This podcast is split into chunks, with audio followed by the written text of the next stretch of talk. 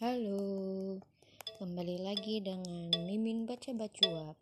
Masih uh, melanjutkan baca buku dari buku anti panik mengasuh bayi 0 sampai 3 tahun. Kemarin udah sempet dibahas tentang MPASI ya. Nah, sekarang lanjut lagi. Ini masih segmen bayi usia 6 sampai 12 bulan. Nah, selanjutnya baca bacuap akan membacakan tentang perawatan gigi bayi.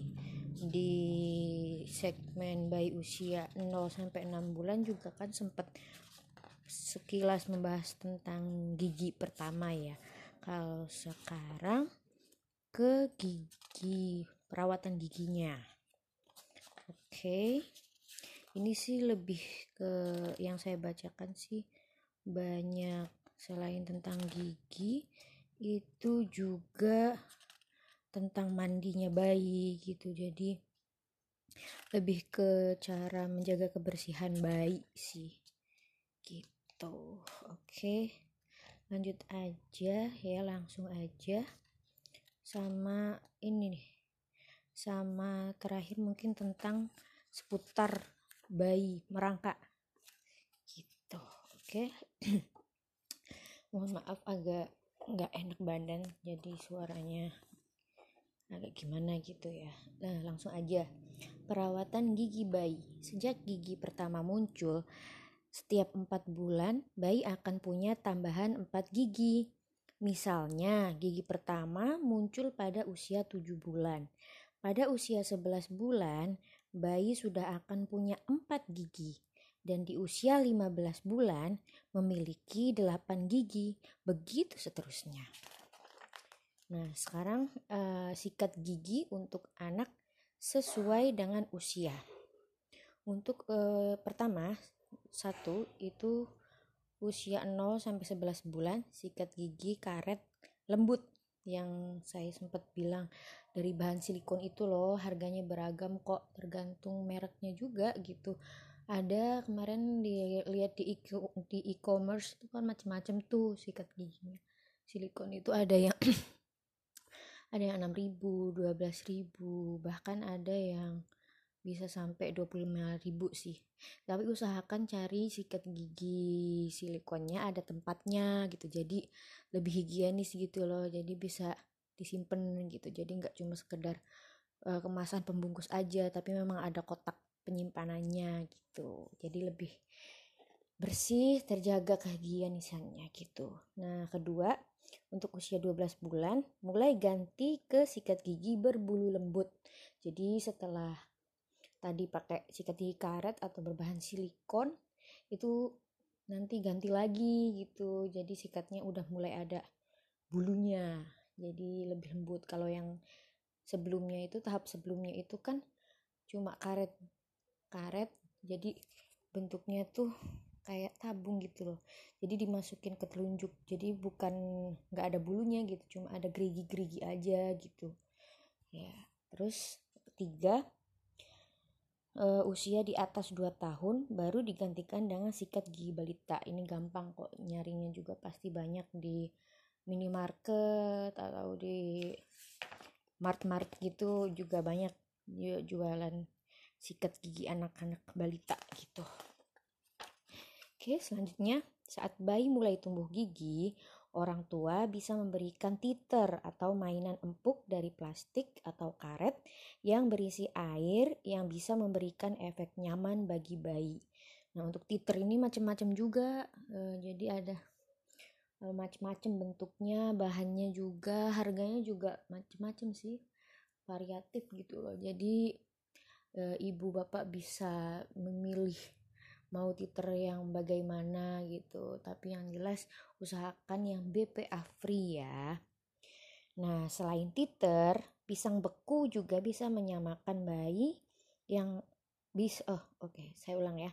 Selain titer pisang beku juga bis, juga bisa menyamankan bayi yang rewel ketika tumbuh gigi.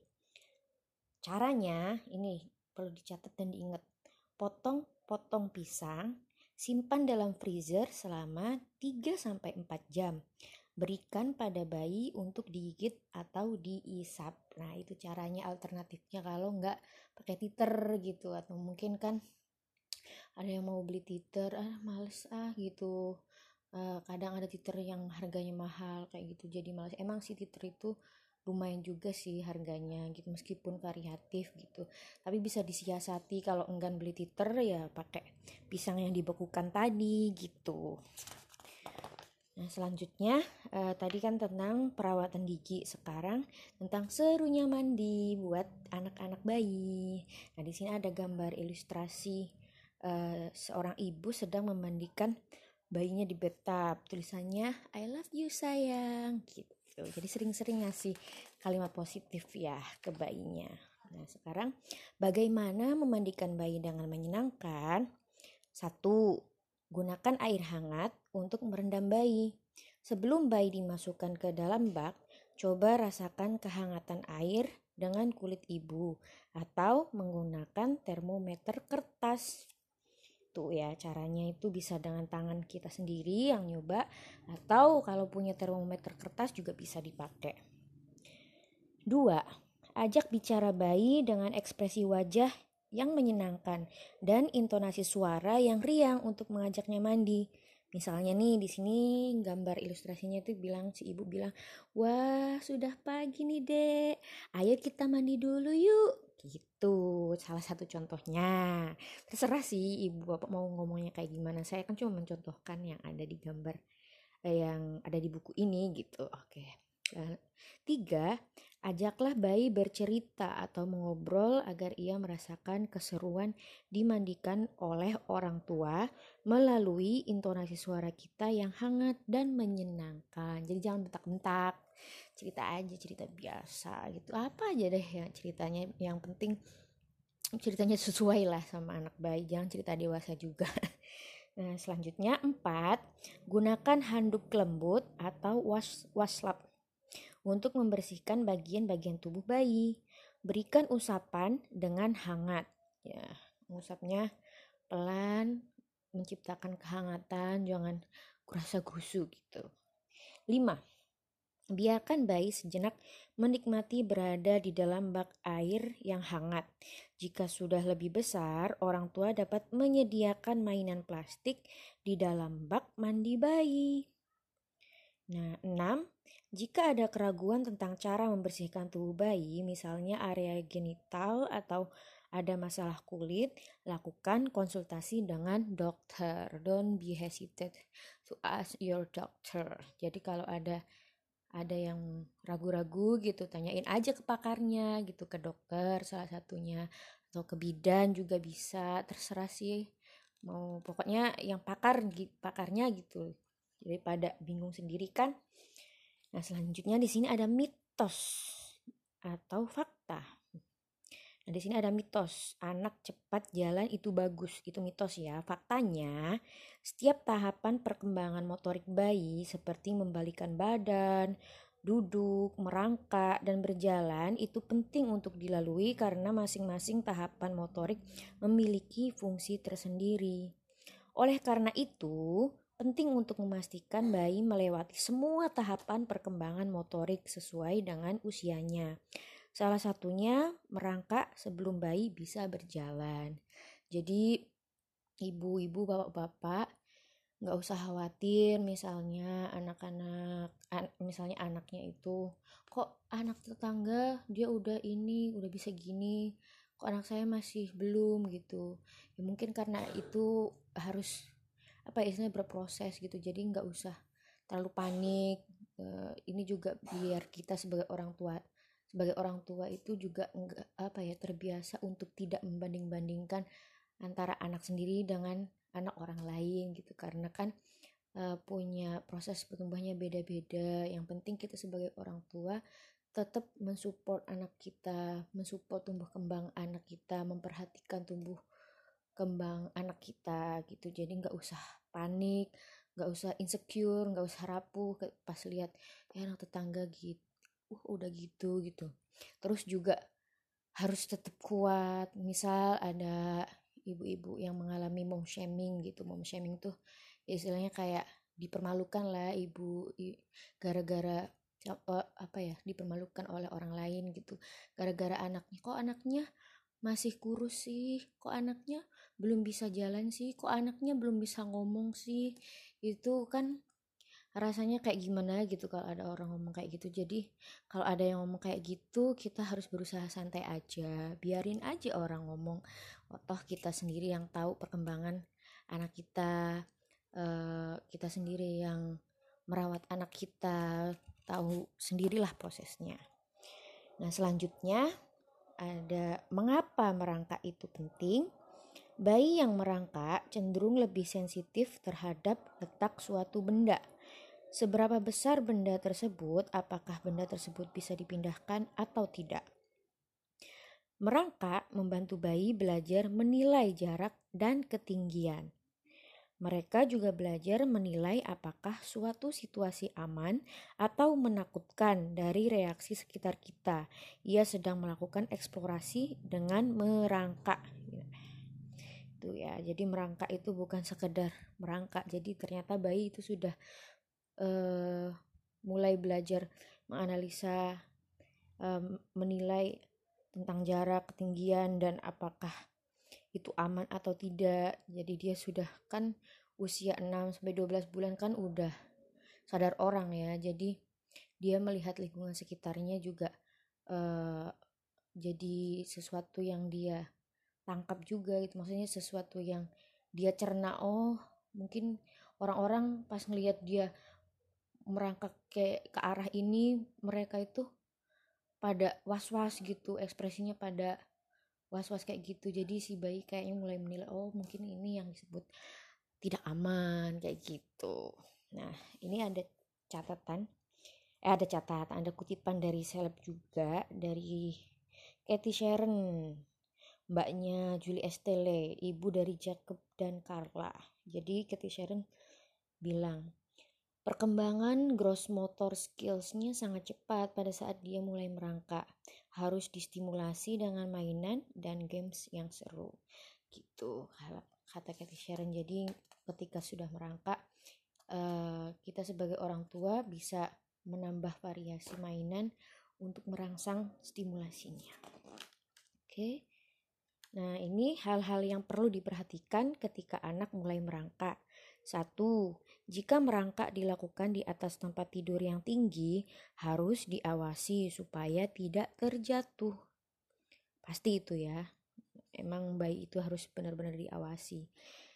Dua, jauhkan benda-benda yang dapat berbahaya dari area bayi merangkak, termasuk benda kecil yang dapat ditelan bayi dengan tidak sengaja. Ini juga kita sebagai orang tua juga nggak boleh abai ya. Jadi barang-barang yang apa barang-barang yang di sekitar bayi khususnya mainan uh, tempat di mana bayi itu sering berada itu juga harus sering-sering dibersihkan. Misal disemprot disinfektan yang food grade lah maksudnya yang aman juga buat bayi gitu. Jadi kalau tertelan itu tidak berbahaya tapi juga bisa membunuh bakteri uh, di benda-benda yang uh, benda-bendanya si bayi ini gitu. Soalnya kalau kata temen saya yang kemarin anaknya sempat demam itu dia juga kayak belajar gitu oh emang penting banget sih bersihin barang-barang si anak itu biar uh, dia kalau nelan apa ya kalau nggak sengaja nelan-nelan atau jilat-jilat benda itu jadi lebih aman karena udah apa ya bakterinya udah disemprot sama disinfektan tadi gitu. Nah tiga, jika merangkak di lantai maka pastikan lantai bersih dan tidak licin. Empat, pakaikanlah pakaian yang, yang nyaman sehingga bayi dapat bergerak bebas. Oke, itu aja sih. Kayak itu dulu eh ini deh sedikit lagi jadi di selanjutnya ada mainan yang dapat dimainkan bayi usia 6 sampai 12 bulan. Satu, ini sederhana banget main ciluk ba, ciluk ba, ciluk ba gitu. Dua, jelly yang dipotong-potong dengan ukuran besar. Tiga, bermain pasir yang dibuat sendiri dari tepung. Ini ngomong-ngomong masalah pasir sih banyak ya sekarang yang jual. Tapi kalau ibu-ibu mau berkreasi sendiri, bisa bikin sendiri pasir-pasirannya dari tepung juga. Nah selanjutnya empat, rolling ball atau mengoper bola gitu. Jadi mainnya sederhana, ngoper-ngoper bola aja gitu. Lima, finger painting yang dibuat dari tepung dan pewarna makanan ini aman banget mainnya jadi main apa finger paintingnya itu tepungnya diwarna-warnain dari pewarna makanan gitu. Jadi kalau ketelan itu masih aman banget gitu. 6 menyusun dan menghancurkan susunan balok. 7 membacakan buku untuk bayi misal baca dongeng kayak gitu pokoknya. Yang yang sesuai sama umurnya.